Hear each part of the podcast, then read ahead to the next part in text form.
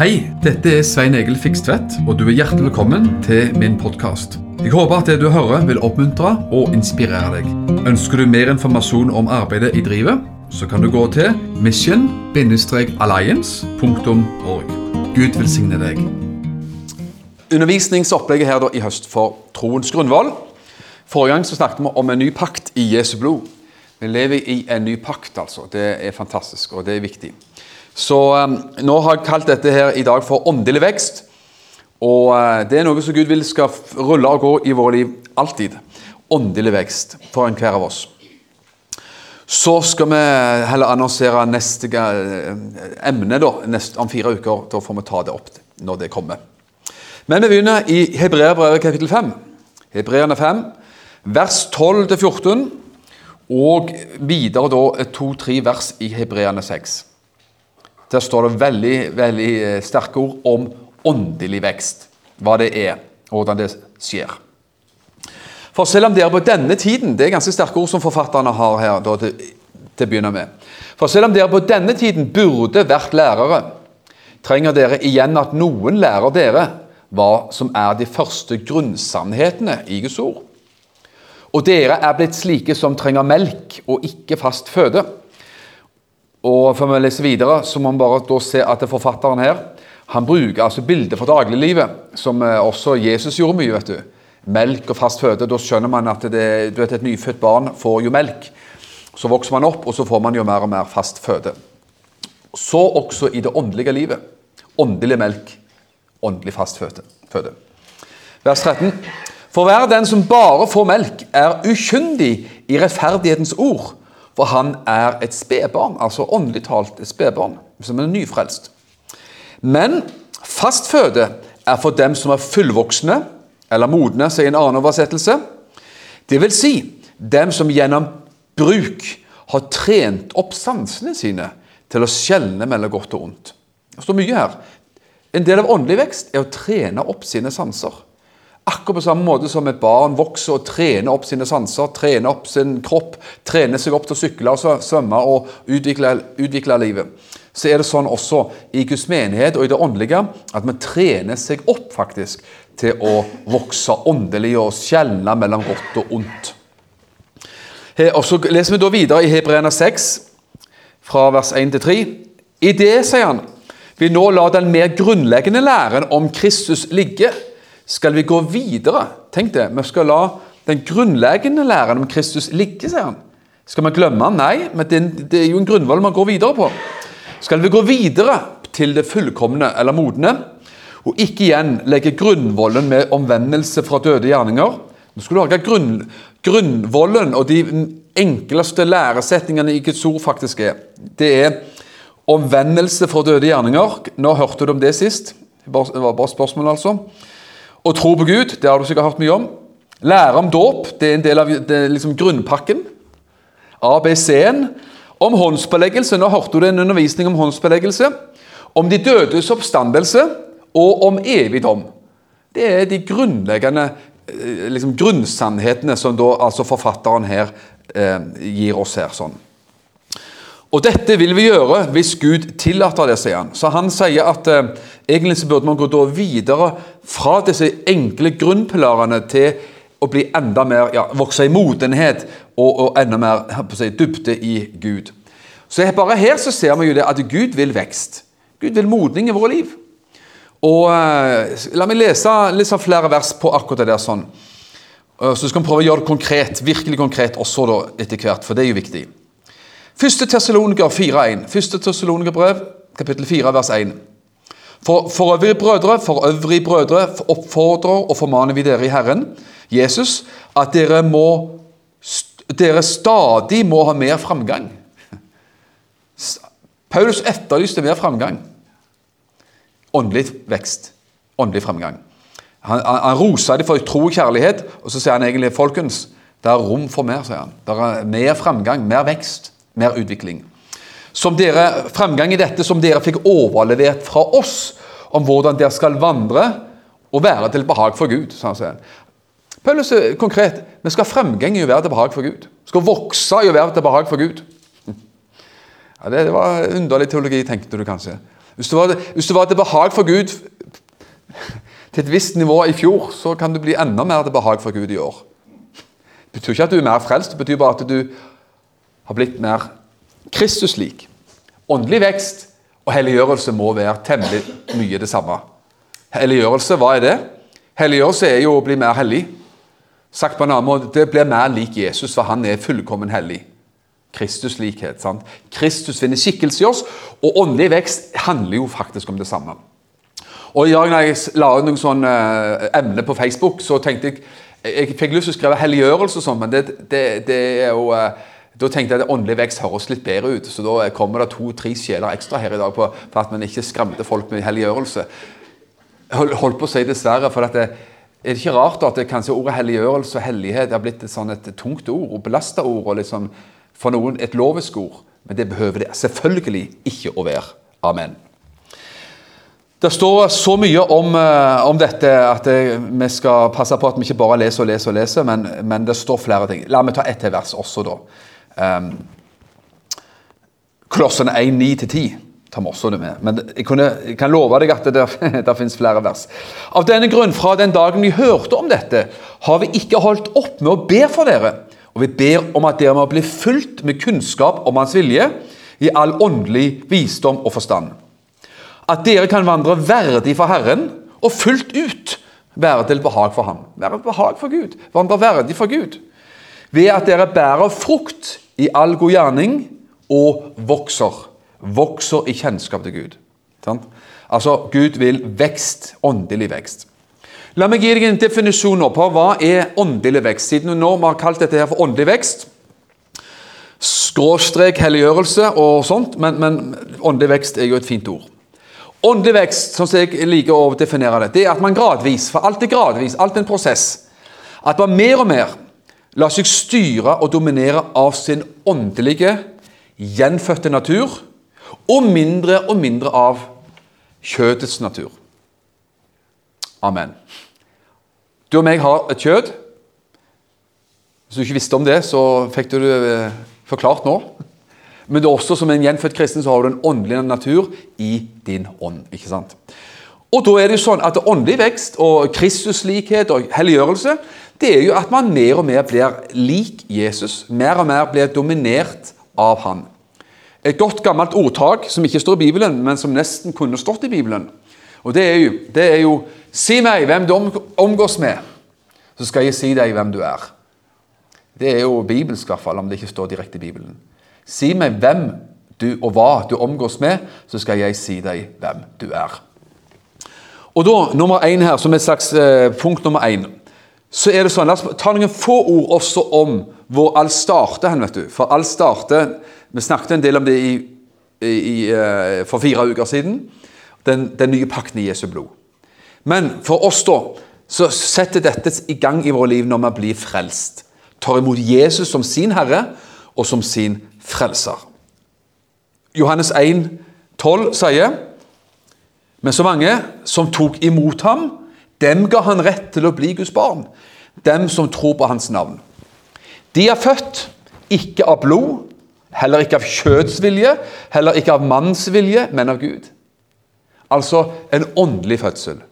Alle av oss, rent menneskelig og rent kjødelig og alt det der, så er du og meg født av, av, av, vår mor, naturligvis. Men vi er jo, født, vi er jo blitt til ved både ved menn, en mann og en kvinne. da.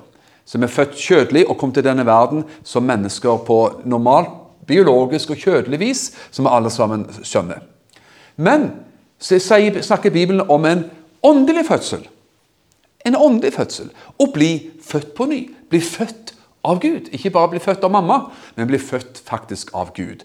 Og det er jo veldig viktig. Min fysiske fødsel gjorde at jeg ble borger av Norge. Men åndelige fødsel gjør at jeg ble borger av Guds rike. Og det er jo eh, det, det er ikke det dummeste man kan bli. For å si det sånn, Det er ganske nødvendig. Dette var også budskapet som Jesus ga til Nikodemus. I Johannes 3, utover der, så kommer jo selveste fariseeren til Jesus. Han trodde på Jesus, trodde, ja, han trodde på Jesus på sitt vis, det sa han jo. Men han trodde på Bibelen. Han var jo fariseer. Han trodde på Det gamle testamentet, og han var religiøs. Og, og uh, Nikodemus han var liksom, uh, hadde, kunne teologien sin på sett og vis. Men så kommer de Jesus på natten, i nattens mulm og mørke, og sier til Jesus Vi vet, sier han, at du må være fra Gud. For ingen kan gjøre slike tegn uten at Gud er med han. Hvilket kompliment. Er du enig i det? At det, det var jo fint å si det til Jesus, altså. Og Jesus, Jeg skal ikke si Jesus ble smigra, det kan høres litt rart og feil ut. Vi skulle, vi skulle, tro da Jesus sa 'neimen, så fint', at endelig er det noen, endelig er det noen fariseere her som har skjønt hvem jeg er. Men Jesus sa ikke det. Jesus svarte bare rett tilbake igjen og sa 'Vet du hva, Nikodemus? Du må bli født på ny', sa han. Du må bli født på ny. Skal du se Guds rike, så må du bli født på ny. Og Da tenkte Nikodemus, Nikodemus veldig, veldig kjødelig og veldig naturlig. For han sier 'Kan en mann, sier han, i min alder' Eh, eh, liksom bli født en gang til av min mor. Liksom Å komme ut av min mors liv igjen. Det går ikke an, sa han til Jesus. Så på en måte eh, banalt svarte selveste fariseer Nikodemus. Og Så sier Jesus du må bli født av vann og ånd. ikke sant? Og Det som er født av kjød, er kjød. Det som er født av ånd, er ånd. Så Jesus la vekk på dette med den nye fødsel, og Bibelen er jo selvfølgelig også full av det. Et profetisk ord som handler nettopp om den nye fødsel fra Esekiel. Eh, og Flere profeter i flere hundre år før Jesus kom, forteller jo at det skulle skje noe, noe nytt og fantastisk. Esekiel 36, vers 25 sier Så skal jeg stenke rent vann på dere, sier han, så dere blir rene. Jeg skal rense dere fra alle deres urenheter og fra alle deres avguder. Jeg skal gi dere et nytt hjerte og gi dere en ny ånd i deres indre. Jeg skal ta steinhjertet ut av deres kjød og gi dere et hjerte av kjød. Altså ut med et steinhjerte. Stein er ikke formbar. Stein har. Kan ikke formes. Den kan bare bruke meisel på eller hammer på, så sprekker det. Men vi skulle fått et hjerte av kjød. Kjød er bøyelig og føyelig og elastisk. Jeg skal gi dere min ånd i deres indre, og jeg skal gjøre det så at dere vandrer etter mine lover, så dere holder mine dommer og gjør etter dem. Nå er dette profetiske ord selvfølgelig til Israels folk, som eh, faktisk kommer til å se en mye større oppfyllelse av. Virkelig. Vi tror på det. Virkelig. At det er noe av det Gud gjør nå for jødefolket, det er at han samler det til Israels land. Og Gud har lov til å utøse sin ånd over sitt folk på det viset. Så det, den profetien handler om det, uten tvil. Men det utrolige er at eh, du og meg har jo kommet inn i dette før jødene, for jødene skal komme inn i fullt antall, sier Bibelen. Men vi, vi, har smakt dette nå. Vi har smakt den nye fødselen, men her snakker Gud om at et helt folk en gang på sitt vis skal også oppleve en ny fødsel. Men dette er også en beskrivelse av hva Gud har gjort i, i den nytestamentlige menighet eh, ved den nye fødselen, uten tvil. Nå får du både en sånn blanding her da, av både eh, gammeltestamentlige profetier og nytestamentlige ord. Hebreene 8.10 er også en Der refererer forfatteren også til eh, Jeremia, altså profeten Jeremia. Også, også, også han profeterte om at det skulle komme denne nye fødselen og denne nye pakten.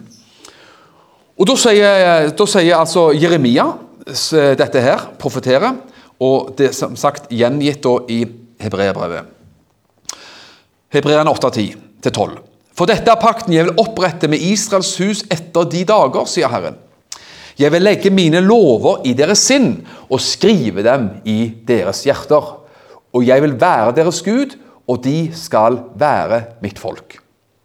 Ingen av dem skal lenger lære sin neste og heller ikke sin bror å si 'Kjenn Herren', for alle skal kjenne meg, fra den minste til den største. Jeg vil være nådig overfor deres urett, og deres synder og deres lovbrudd skal jeg aldri minnes mer. Hva er dette? Også dette er en, dobbel, en profeti med dob, en, dobbel, en dobbel betydning. For det første, for å ta det siden det gjelder oss Det gjelder oss. Det er sitert inn i Det nye testamentet. At Gud skulle ta og legge sine lover inn i våre hjerter. Fram til da så hadde jo israelsfolket hatt lovene i, på, på, papir, bokrullen, Ikke sant? Og skriftrullene, og på steintavler. De ti bud på steintavlene. Så annonserer Gud og sier, vet du hva, folkens, en dag så skal de flytte fra steintavler og inn i hjertet. Det snakker Bibelen om flere plasser også i Det nye testamentet. sant? Han har skrevet sine lover inn på hjertets kjøttavler. Og Det er helt fantastisk at vi ser hva Gud har gjort. Og, og Derfor er det så fantastisk å, å møte mennesker du, som har fått denne her, denne sterke forvandlingen i sitt liv. Radikale forandringen. Hørte en podkast for ikke så lenge siden, noen få uker siden. Intervju eh, som, er, som den kristne ambassaden hadde på en podkast med en ung iransk mann som eh, var, var, nokså nyfrelst. Jeg, jeg ikke alltid husker så, Jeg er ikke typen for detaljer alltid når jeg gjenforteller. Men, eh, men han var frelst ganske kort, kanskje to-tre år. altså. Uh, snakket godt norsk og hadde kommet i flyktningstrøm fra Iran. Forteller om han, når han gikk på skole i Iran, så lærte man å trampe selvfølgelig, på de amerikanske og det israelske flagget. Og lærte å bli hjernevaska mot uh, spesielt jødene og Israel osv. Og så nå ble jeg intervjua av den kristne ambassaden og fortalte jo at han elsket jo Jesus, var blitt frelst, og fortalte om den sterke forandringen i livet sitt. Og at en selvfølgelig også i, denne sammenhengen også eh, elsker Israel og jødefolket. Det skjer igjen og igjen med muslimer som har vokst opp med et inderlig hat til, muslim, eh, til, til, til jøder. De snur, der, der skjer en hjertets forandring. Sånn at det hat, indoktrinert hat, fra barnsbein av på et øyeblikk forandres til noe helt annet. Til kjærlighet. Det er at Gud tar lovens ti bud, for å si det sånn. For, altså, du ser på pugga de liksom på, på, på steintavlene og leser de opp sånn. Gud har lagt det inn i våre liv. Vi som kjenner, Alle av oss kjenner bitte litt til datasystem. Du laster ned noe. Du laster ned noe på telefonen. Du laster ned en app. Du laster ned eh, datafiler. Du, det hentes fra en eller annen plass der oppe og så landes det inn i PC-en eller iPaden eller telefonen, og så vips, der har du liksom fått en ny programvare lagt inn. Det var ikke Apple og det var ikke Bill Gates som kom med det først. altså. Det var Gud. Han var først. Han har lasta dette ned i oss ved den nye fødselen. Amen. Nummer to. Halleluja. Vi må ikke snakke oss helt vekk heller. Vi skal prøve å komme gjennom noe her i dag. Når den nye fødselen da er et faktum, så er det jo sånn at Gud vil at vi skal vokse. Og det er jo da spørsmålet, og da er jo hele greia er dette Hvordan kan man vokse åndelig? For når du er en, eh, en nyfrelst person, har vi lest allerede, er jo som et lite barn. For åndelig melk. En helt nyfrelst person kan ikke lære hva som helst. Man får åndelig melk. Forstå dette med Jesus og kors og forsoningen. Disse enkle og viktige tingene som vi aldri heller skal glemme og aldri skal avansere oss bort ifra, naturligvis. Men igjen, 1. Johannes brev, kapittel 2, vers 12-14. Skal du høre her. Skriver, det sier Johannes, altså. Jeg skriver til dere barn, sier han. Fordi syndene er dere tilgitt for hans navns skyld. Jeg skriver til dere fedre, fordi dere har lært å kjenne ham, som er fra begynnelsen. Jeg skriver til dere unge fordi dere har seiret over den onde. Jeg skriver til dere barn fordi dere har lært Faderen å kjenne. Jeg har skrevet til dere fedre fordi dere har lært å kjenne ham som er fra begynnelsen. Jeg har skrevet til dere unge fordi dere er sterke, Guds ord blir i dere, og dere har seiret over den onde. Hva snakker Johannes om her? Etter alt å dømme så snakker han ikke om fysiske barn, fysiske eldre, men han snakker om åndelig unge. åndelige barn. Åndelige nyfrelste og umodne som sådan. Og mennesker som har blitt mye mer modne rent åndelig i sitt vandring med Gud. Hør hva Paulus sier i 1. Korinterbrev, kapittel 13, vers 9. Kjente vers, i hvert fall disse. Eh, kapittel 13, vers 9-12. Eh, ja, for jeg kjenner, sier Paulus, stykkevis, og vi taler profetisk stykkevis. Men når det fullkomne kommer, da skal det som er stykkevis, ta slutt. Og det skjønner man jo at en, her og nå, i denne tidsalder, her, her og nå i dag, så er, lever vi i det som er stykkevis og delt. Ingen av oss forstår alt, ser alt, skjønner alt. Ingen profeterer fullkomment i at og alt og kan liksom bare liksom Alle liksom luker og åpner, og man skjønner alt. Vi gjør ikke det. Vi lever i den tilværelsen som er stykkevis og delt. Vi skjønner stykkevis og delt. Men når det fullkomne kommer, så skal selvfølgelig eh, det, Da skal vi se og forstå fullt ut. Og da sier Paulus i dette her at man, man skjønner stykkevis. Så sier han da jeg var barn, talte jeg som et barn, og jeg forsto som et barn, og jeg tenkte som et barn. Han bruker altså bildet fra det naturlige livet. Alle av oss som er her, og vi er jo voksne alle mann, vi skjønner jo at når vi var ti år, så tenkte vi som en tiåring. Eh, når vi var fem år, så tenkte vi som en femåring. Eller når vi var tolv år, så tenkte vi som en tolvåring, og, og så og sånn. Da jeg var barn, talte jeg som et barn. Jeg forsto som et barn og tenkte som et barn. Men da jeg ble mann, la jeg av, la jeg av det barnslige. Det kan jo være godt ord til folk av det. Da jeg ble mann eller kvinne, la jeg av det barnslige. Det er ganske naturlig, og det skjønner man jo. Men hva er det Paulus mener her? Han snakker om selvfølgelig også åndelig vekst. For nå, sier han, ser vi i et speil, her og nå, i en gåte. Men da skal vi se ansikt til ansikt. En dag skal vi se Gud og se Jesus ansikt til ansikt, og det blir noe helt, helt annet. Nå kjenner jeg stykkevis, men da skal jeg erkjenne slik som erkjenne, slik jeg også fullt ut er kjent. Så det kommer en dag vet du, der vi forstår så uendelig mye mer. Men mens vi venter på den dagen og denne opprykkelsen og denne herligheten, så kan vi stadig vokse i vår vandring med Gud. Vokse i kunnskap til Bibelen, i vår vennskap og kjennskap til Herren. Og, og uh, oppleve det at man er mer moden i dag enn for ett år siden, eller fem år siden, eller ti år siden. Det vil Gud. Og Derfor trenger vi også mennesker som er åndelige modne, modne iblant oss. Mennesker som har vandret med Gud i mange mange år. og Personlig så sier jeg gjennom flere år, men, men dess eldre man blir sjøl, dess mer setter man pris på folk som er eldre. Og, og, eh, og det å ha f.eks. i mitt tilfelle i hvert fall, eh, ha også forbilder i eldre forkynnere osv. Så sånn. Folk som har eh, stopper 20-30 år lenger enn meg. Det er dyrebart, det er viktig. Og Bibelen også taler om at det, det, er, det er viktig å gjøre nettopp det.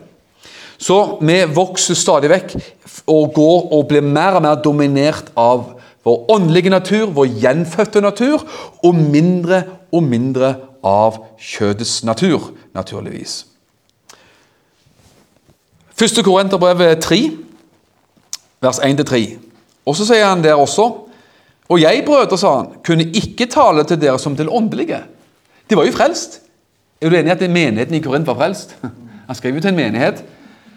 Og Han kalte de brødre også. Men han, sier, han var jo fremodig, og så sier han jeg kunne ikke tale til dere som til åndelige. Ja, åndelig moden, med andre ord.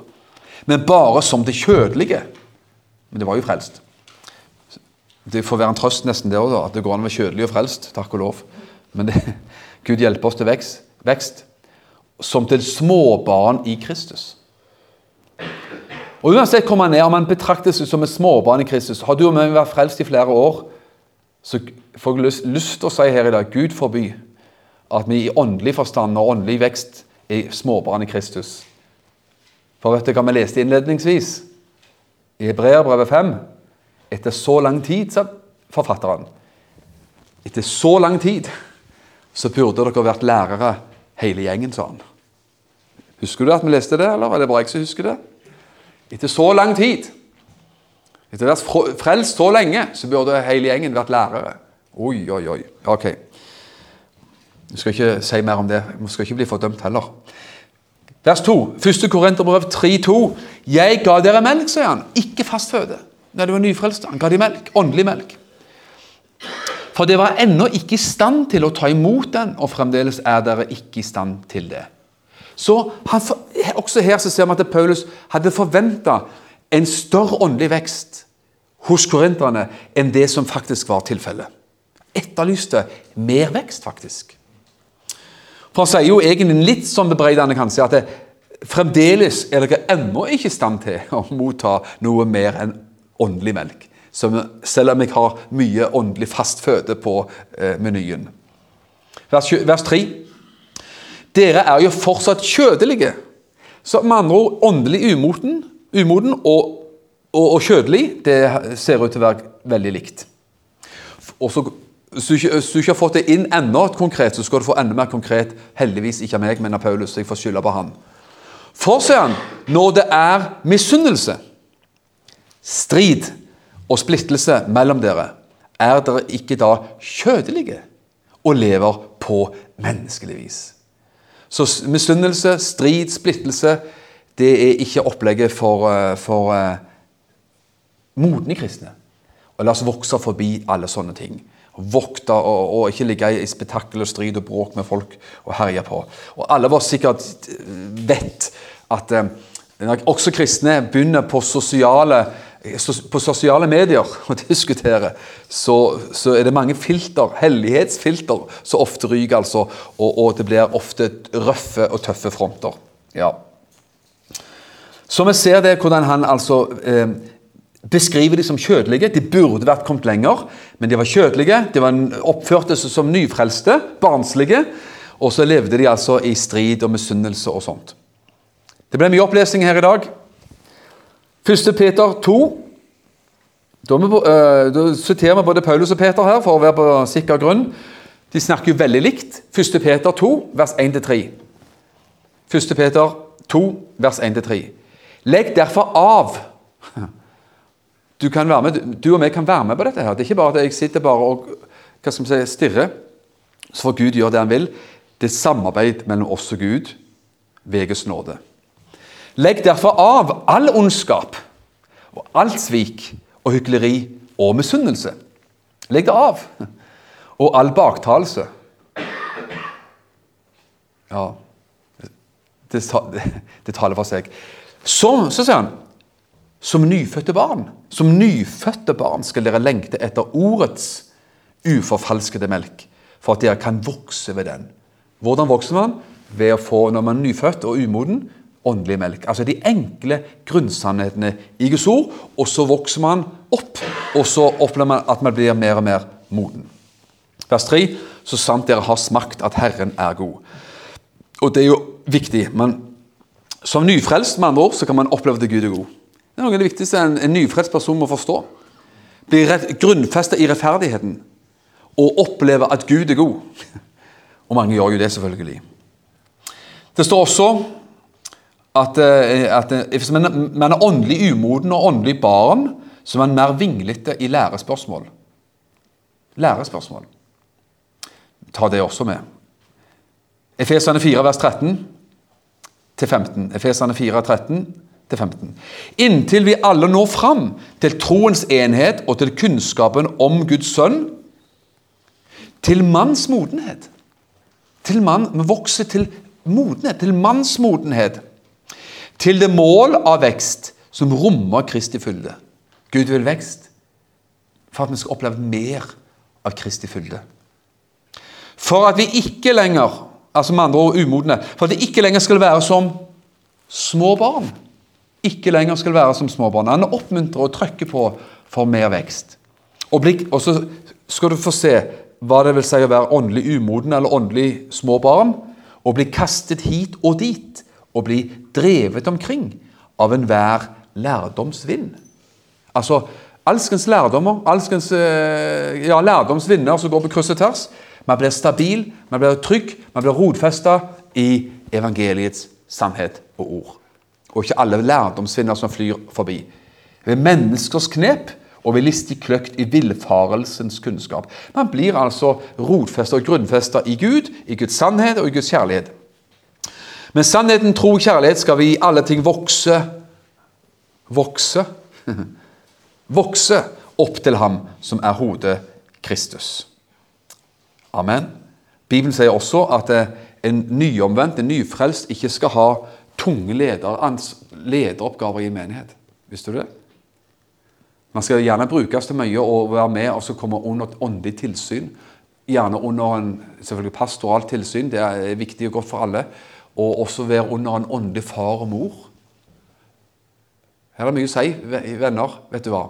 Hvis vi har vært frelst i noen år, og sånt, så kan alle av oss være en åndelig far og mor.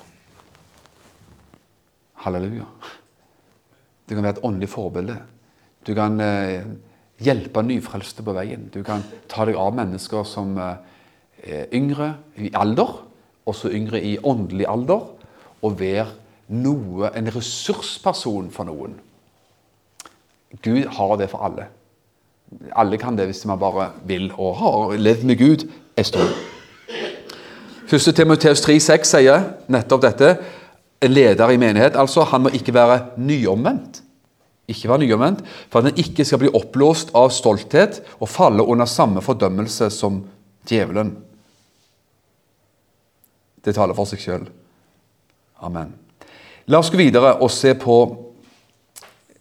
Vi har lest mye nå. For nå har vi lest både skriftsteder som handler om dette med å være åndelig barn og åndelig moden. Åndelige barn får åndelige melk. Åndelige modne får mer åndelig fast føde. Og man altså vokser opp til å bli til og med en lærer. Etter så lang tid burde dere være, vært lærere, leste vi. Så om du ikke blir en pastor eller forkynner eller misjonær, så skal du bare være ganske takknemlig for det. Men vet du hva? Du kan være en åndelig farmor. Amen. Og jeg tenker, Nå skal vi være veldig konkrete og følge oss med på klokka. Men eh, jeg har god samvittighet ennå, altså. Så halleluja. Skal du høre. Åndelig modenhet. Også da, Så skal vi se på nøkler til åndelig vekst. Få med deg dette verset her. sånn. Filipperne 1, 9-11. Filipperne 1, 9-11. Og dette ber jeg om, sier Paulus, at kjærligheten deres stadig må bli rikere på innsikt og dømmekraft. Jeg syns det er et bra uttrykk. At kjærligheten må bli stadig rikere på innsikt og dømmekraft. Gud vil at kjærlighet Ok, kjærlighet uten dømmekraft, hva er det? Den kan bli meget eh, vinglete, sentimental og påvirkelig av alle lærdomsvinner som flyr på kryss og tvers. Men Gud vil gjerne, Gud vil tydeligvis ha den kombinasjonen som heter kjærlighet og dømmekraft. Amen kjærlighet og dømmekraft. Så vi kan dømme hva som er rett og galt, ondt og godt osv. Hør her at kjærligheten må bli rik på innsikt og dømmekraft. På den måten kan dere dømme om smått og stort. Det, Ofte hører du den gamle sviska som mange kommer med. At du, vi skal ikke dømme, sier man bare. Man skal ikke dømme. Vel, her står det at du skal dømme om smått og stort. står det. Så du, takk for det. I dag ødelegger kanskje din teologi litt her. I hvert fall noens eh, påståtte eh, innsikt. at det, Alle drar det kortet når man hører, noen, når man hører noe man ikke liker. Vi skal ikke dømme. vi skal ikke dømme. Altså, det er liksom et mantra du har hørt i mange år. Vi skal for Guds skyld og for alle andres skyld ikke dømme. Her står det at du skal kunne dømme om smått og stort. Her står Paulus ber om at vi skal dømme kraft. Jeg sa ikke at vi skulle fordømme og tre skam nedover folk. Jeg sa bare at vi har dømmekraft til å skille mellom godt og vondt, rett og galt, lys og mørke. Hva som er Guds vei, og hva som er forførerens vei. Priser Gud. Det var noe, faktisk det kong Salomo ba om i første kongebok, kapittel 3. Da han var ung og fersk som konge, Gud sa til han i en drøm Salomo, du kan be meg om hva som helst, og du skal få det. Hva ba Salomo om? Herre, gi meg et forstandig hjerte, sa han, så jeg kan dømme ditt folk. Jeg kan dømme mellom smått og stort. Han ba om å få lov til å skille mellom rett og galt. Skjønner du og meg er kalt til å ha den dømmekraften i våre egne liv. Selvsagt først og fremst for oss sjøl, og ikke for alle andre. Eh, så vi får alltid ta ut flisen i vårt eget, eller bjelken i vårt eget øye. Og, før vi skal prøve å ta flisen ut av andres øye, naturligvis. Men på denne måten skal dere dømme om smått og stort, så dere kan være rene og uten anstøt på til Kristi dag. Bibelen har mye å si om dette. her. La meg komme nå og bare faktisk gi deg eh, noen nøkler til åndelig vekst. Når vi leser ganske mange skriftsteder som beskriver akkurat det som jeg har sagt, og jeg er jo flink, flink eller uflink til å gjenta meg sjøl, jeg gjentar meg jo kanskje eh, rimelig mye. Åndelig melk, åndelig barn, åndelig umoden har vi lest mye om. Så vi leser også om dette med fastføde. Fastføde er for de som har trent opp sansene sine til å skille mellom godt og vondt. Og nå skal jeg gi deg altså, og Hele poenget her i dag det er jo bare å fortelle at, eh, at det er en prosess i vårt liv. Og Alle er i en eller annen prosess i livet. Hvis vi ikke er i prosess, så er vi jo døde. Da er vi jo blitt en statue. Da er vi blitt livløse. Så lenge det er liv i oss, så er det prosesser som sier i vårt liv. Det er litt, sånn, eh, litt fornyelse av hudceller og hårceller og jeg vet ikke hva. altså. Det er litt fornyelse som sier i vårt liv, samme hva slags alder man er på. Så, så, man lever i en fornyelse, man lever i en prosess. Og Gud vil at denne åndelige veksten skal skje selvfølgelig hele livet. Nøkler til åndelige vekster. Ganske enkelt, en del av det i hvert fall.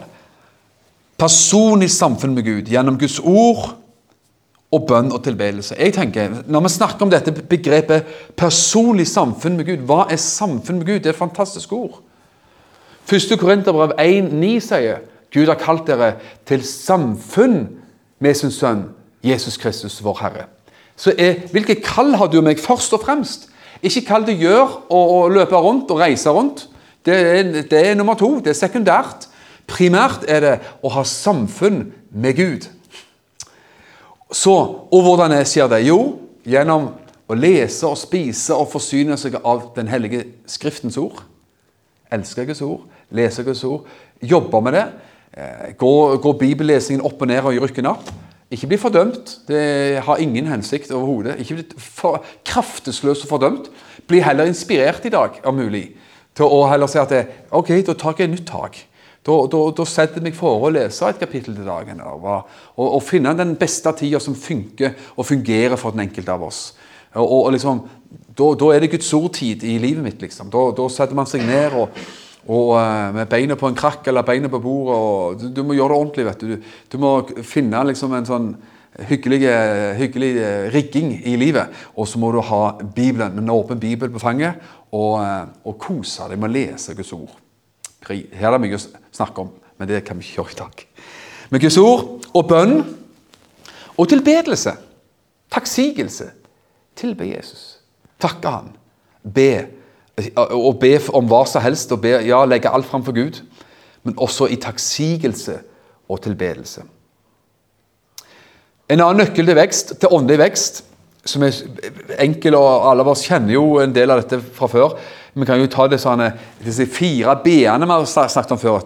Bibel, bønn, brodersamfunnet og brødsbrytelse. Jeg vet ikke om det var rett rekkefølge, men det var de fire b-ene man snakket om før. Og Det er bra.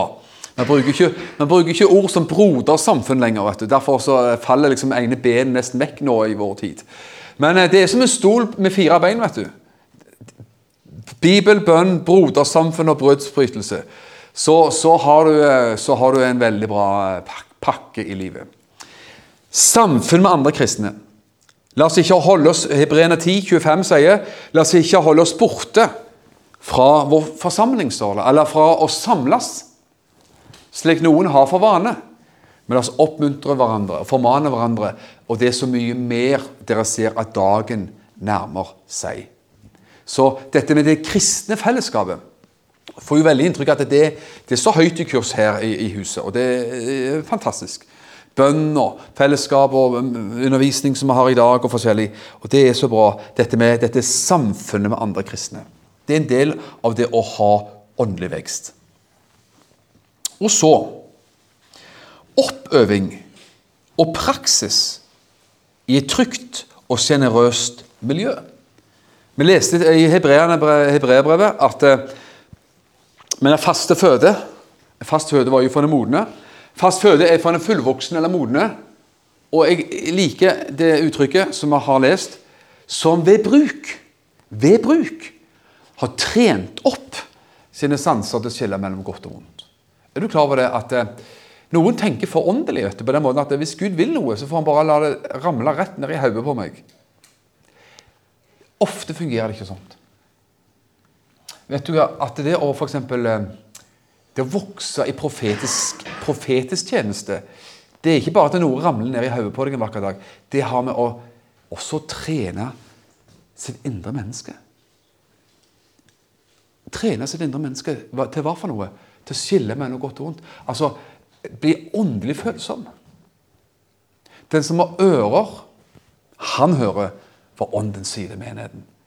Du har åndelige ører. Du hører åndelige, hører Guds røst, fornemmer Guds nærvær, fornemmer Guds ledelse i livet. Og vet du hva? Det skjer ved bruk. Ved bruk har trent opp sansene sine til å skille mellom godt og vondt. Alle som har kommet fram med, kommet, og, med kunnskapsord, eller med profetiske ord og sånne ting, eller vitnesbyrd, eller møteledelse for den saks skyld, kjente seg sannsynligvis nokså skjelvende, bevende og svak og ikke høy i hatten første gang. Amen. Men ved bruk Ved bruk. Hvis du ikke kommer i gang med bruk Amen. Det skjer ingenting før du begynner. Det var en reklame som var på TV 2 for mange år siden med for byggmakker eller noe sånt opplegg. Det bare jeg som så den, og det kjente meg litt igjen? Det var typisk sånn at eh, sant, Kona i huset hun ville ha malt og tapetsert og ville ditt og datt, og mannen han gjemte seg bak i avis og prøvde å snakke om alle andre ting og, og, og, ro, og ro, vekk. Og Så var jo reklamen det for enten det var byggmerker eller andre, at det, det, skjer ingenting før du begynner. Du må begynne. Du må, du, du må med andre ord ta, ta, ta turen til byggmerker og få hjelp. Eller noe annet. Men vet du hva, det skjer ingenting før du begynner. Du må begynne. Amen. Yes. Og vet du hva? så skal du få et alvorsord i dette med å begynne. Fordi at den største, En som sa, en predikant som sa det, den største, den største plassen Den største samlingen av talenter som finnes, sa han. Han sa det ganske dramatisk. Den største plassen av talenter som finnes, er på kirkegården, sa han. Der mennesker ligger selvfølgelig begravd. Og alle de gaver og alle de anlegg og alle de talenter som de hadde i livet sitt, som de alle brukte. Og så gikk ned i grava med de. Det var jo litt alvorlig. La, la ikke våre gaver og talenter gå ned i grava med oss, men la oss bruke det mens vi er på beina. Prise Gud. Ok oppøving i trygt og sjenerøst miljø. Og det er nydelig, det. altså. Jeg må si det. det. Jeg ble ikke helt ferdig med det da. Kjenner jo mange mennesker. Det er gøy. og, og Man ser det ofte når du får ungdom og sparker ungdom i gang på ting.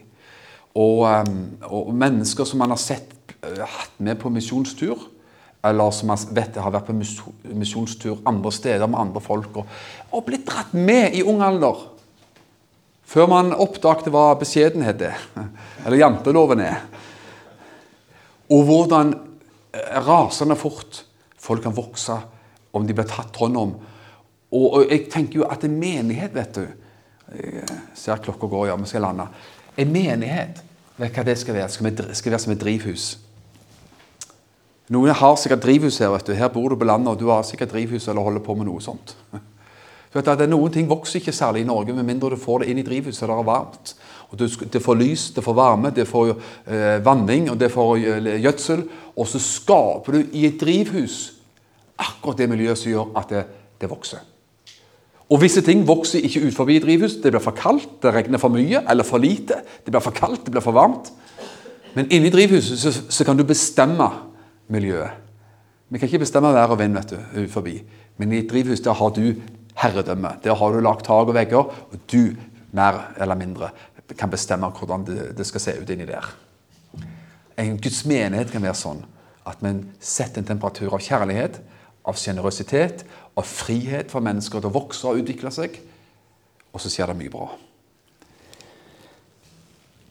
Og så vi snakker om nøkler til åndelig vekst. Ha en mentor i livet. Ha en åndelig far eller åndelig mor. Vær eller vær en åndelig far og mor for noen. Men mennesker som er, vil, sier at jeg, jeg, vil, jeg, vil vite, jeg vil lære noe fra de som er eldre enn meg. Jeg vil spørre, jeg vil grave, jeg vil være nysgjerrig og spørre mennesker som er gjerne flere år og som har kommet lenger i sin kristne vandring enn det vi selv har. Vær på, vær nysgjerrig og vær frimodig. Og mennesker som har det der, ofte i ung alder, men man kan også ha det i voksen alder, så vil man også lære mye mer og, av, og det å ha en åndelig far og en åndelig mor og lære mennesker. Og skal du få altså, Et siste punkt som du vil gjerne synes var, er litt rar, men jeg tror på det. At prøvelser og trengsler er faktisk en nøkkel til åndelig vekst. Det var jo ikke så koselig, men det, jeg tror det er veldig veldig sant. Jeg skal bevise akkurat det fra Bibelen også. da. For vet du hva? Når vi går gjennom åndelige trengs, eller ja, trengsler i livet, da, prøvelser, trengsler, kriser i livet, eller hva det enn måtte være, så kjenner man det, det føles ikke ut som at man vokser da. Man føler at man er mer enn nok for å komme gjennom en storm. Nok for, mer enn nok med å holde hodet over vannet kanskje, og komme gjennom, liksom. Men vet du hva? Hør hva Jakob sier her. Han sier det at eh, Skal vi se, skal vi se hvor var vi da? Jo, der var vi, ja. Jakob 1, vers 2. Mine, brød, mine søsken, sier han. Regn alt bare som en glede når dere blir utsatt for alle slags prøvelser. Dere vet at når troens ekthet blir prøvet, virker det tålmodighet. Men tålmodighet må vise seg i moden gjerning, så dere Hør, det er akkurat det vi prater om nå. Så dere selv kan være modne og helstøpte. Det er et fint ord. Helstøpte. Og ikke stå tilbake i noe. Hvordan begynte Alle av oss ønsker å bli modne. Vi ønsker å være en, Det er fint ord, norsk ord. Helstøpt. Hel ved, sier man. Han eller henne er hel ved. Det er solid person.